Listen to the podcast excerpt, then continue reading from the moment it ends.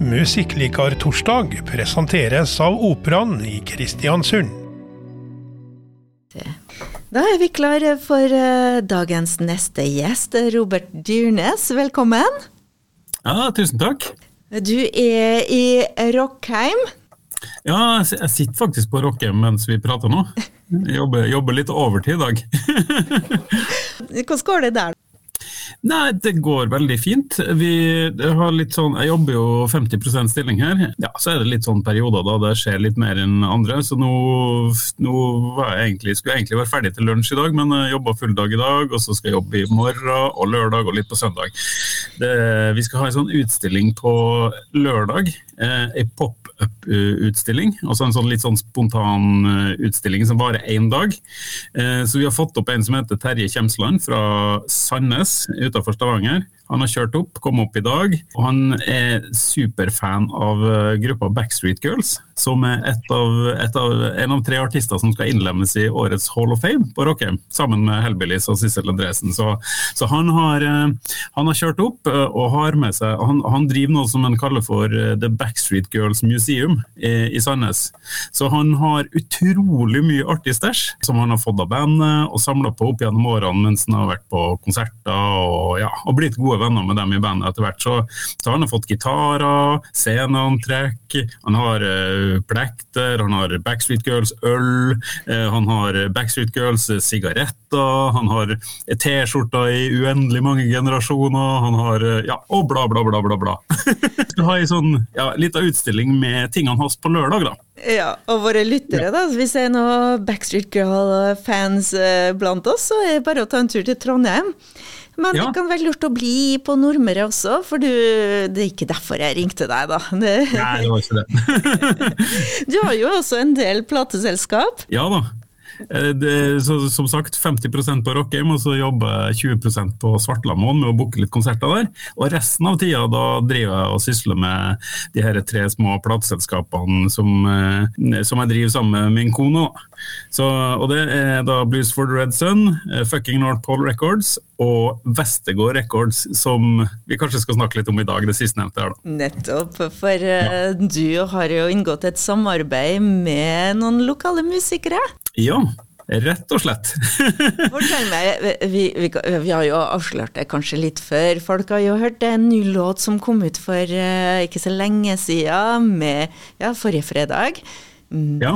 The Impossible Green. Og fortell oss litt om uh, ditt møte med dem. Hvordan uh, Traff du dem på Nordmøre, eller hvordan skjedde det her?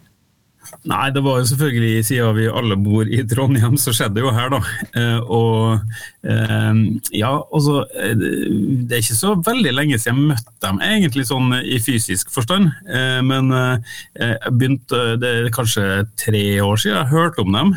Eh, altså at Folk begynte å prate litt om det og sånne ting. Og så hadde vi en konsert med et band som heter Orango på Verkstedhallen på Svartlamoen. Eh, og da spurte jeg de Orango-guttene om de ville ha med seg noe supportband og sånn, og da foreslo de The Impossible Green. Eh, så det var egentlig mitt sånn første introduksjon til dem, og da hadde jeg liksom hørt så vidt om dem litt før, og så tenkte jeg ja, det høres jo spennende ut det de holder på med. Og så spilte de der. Og så ble det jo masse styr, for det var jo midt under covid-opplegget her, så vi flytta og stengt og alt mulig rart med konserter i alle retninger her. sånn. Men eh, til syvende og sist så fikk vi da ny dato, og Orango og Impossible Green spilte. Jeg mener det var i fjor vår, da. Hvis jeg ikke husker feil. nå går de litt, Jeg kjenner liksom at årene har liksom slått seg sammen her. så sånn Fra 2020 og frem til nå så er det liksom en stor smørja, bare. Så, så det var liksom mitt første møte med dem. Og så eh, ga de jo ut eh, ei plate på egen hånd. Uh, superfin plate, som jeg ble veldig glad i. Og så begynte det å gå rykter, folk fortalte meg at ja, de har vært i studio igjen og de holdt på å spille inn en ny plate. Og så tenkte jeg her, det her, må, vi, må vi finne ut av. Så, så, da eh, tok jeg nå litt kontakt med han Mathias, da, han som synger, eh, og så ja, sa at jeg som ærlig var at jeg hadde fått noen tips om at han var i ferd med å spille inn noe veldig bra musikk. så ja, som, som, jeg ofte gjør, da, så tar jeg noe kontakt og så sier han at hvis dere trenger noe hjelp til å få ut musikken, et eller annet samarbeid rundt det, så er det bare å si fra. Og det var veldig positivt innstilt til. Det ble platekontrakt, rett og slett? Ja, man kan jo kalle det. Nå er ikke vi sånn sånn knallhard på sånne platekontrakter og sånn, men uh, vi, vi, ja, altså, vi, liker nå egentlig mest å se på oss sjøl som noen som holder på litt på sida av den etablerte musikkbransjen i den forstand. Så vi, vi så både jeg og Kari vi har jo ordentlige jobber, hvis man kan si det sånn. sånn som vi egentlig holder på med, som, som stort sett betaler lån og, og middag. Men så bruker vi jo mye av fritida vår da, på ting, mye band som vi liker, og konserter og gir ut masse rare plater med kule folk og kule band og artister. Så det er liksom det vi ja, si oppriktig engasjement, ekte musikklikere. Ja, rett og slett. vi digger alt mulig rart mellom himmel og jord og musikk. Selvfølgelig mest gitarbasert rock, men eh, vi har, eh, vi har styrt med mye, mye rart. Sånn alt fra hard metal til visesang. Hva vil du si er det beste med The Impossible Green? De er litt sånn eh, ja, Hva skal jeg si? for det første så er det jo et sinnssykt bra band, men så tenker jeg at de er litt sånn unorsk. Eh, hvis du skjønner hva jeg mener med det. Altså, for jeg har jo jobba med eh, festival og konserter i 30 år og sett utrolig mange band, og sett utrolig mange dårlige band. Eh, og så Det hører jo med til å se både de gode og de dårlige bandene, hvis du skal finne ut hva som rører seg. Og eh, første gangene eh, De bare skilte seg litt ut med en gang for meg, fordi de, de har et sånn de, de, de, er jo egentlig født 50 år for seint, de guttene her. sånn. altså, de burde jo vært født på 50-tallet og vokst opp uh, som ung på 60-tallet og starta band på 70-tallet. Det, liksom, det er liksom det som føles ut som det ultimate for den gjengen her. fordi de er utrolig glad i musikk laga tidlig på 70-tallet. Sånn The Band, Allman Brothers, Lynyrd Skynyrd ja, altså, så videre, Grateful Dead. og så Alle de tingene her. Du hører igjen elementer fra mye av de tingene her da, i låtene deres og musikken deres. da. Eh, og Uten at de er noen kopi av noen heller, for de har definitivt sin egen signatur. og Uh, Mathias er jo sinnssykt god vokalist, synes jeg, som synger veldig bra. Og så har du jo uh, resten av gjengen er med koret, og du har liksom de her, de her elementene som løfter det utover et ordinært band som man kan finne på enhver kro. da. Så det her er litt sånn, Og så syns jeg det er fine komboen de har av at de kan godt spille på en bygdefest og komme unna med det. For de har det litt sånn Creedence-elementet i seg òg. Hvis du skjønner, altså Det som er utrolig folkelig og nesten dansbart og, og singalong og alt det der, eh, som alle kan like. Men så har de en sånn utrolig dash av uh, kred oppi det her òg. Det er liksom sånn de, de, flinkeste supermusikerne vil også finne, finne, noe i det her som de tenker dæven, det her er flinke folk. De både spiller bra og lager kule låter og gjør det her med både hjerte og sjel, liksom.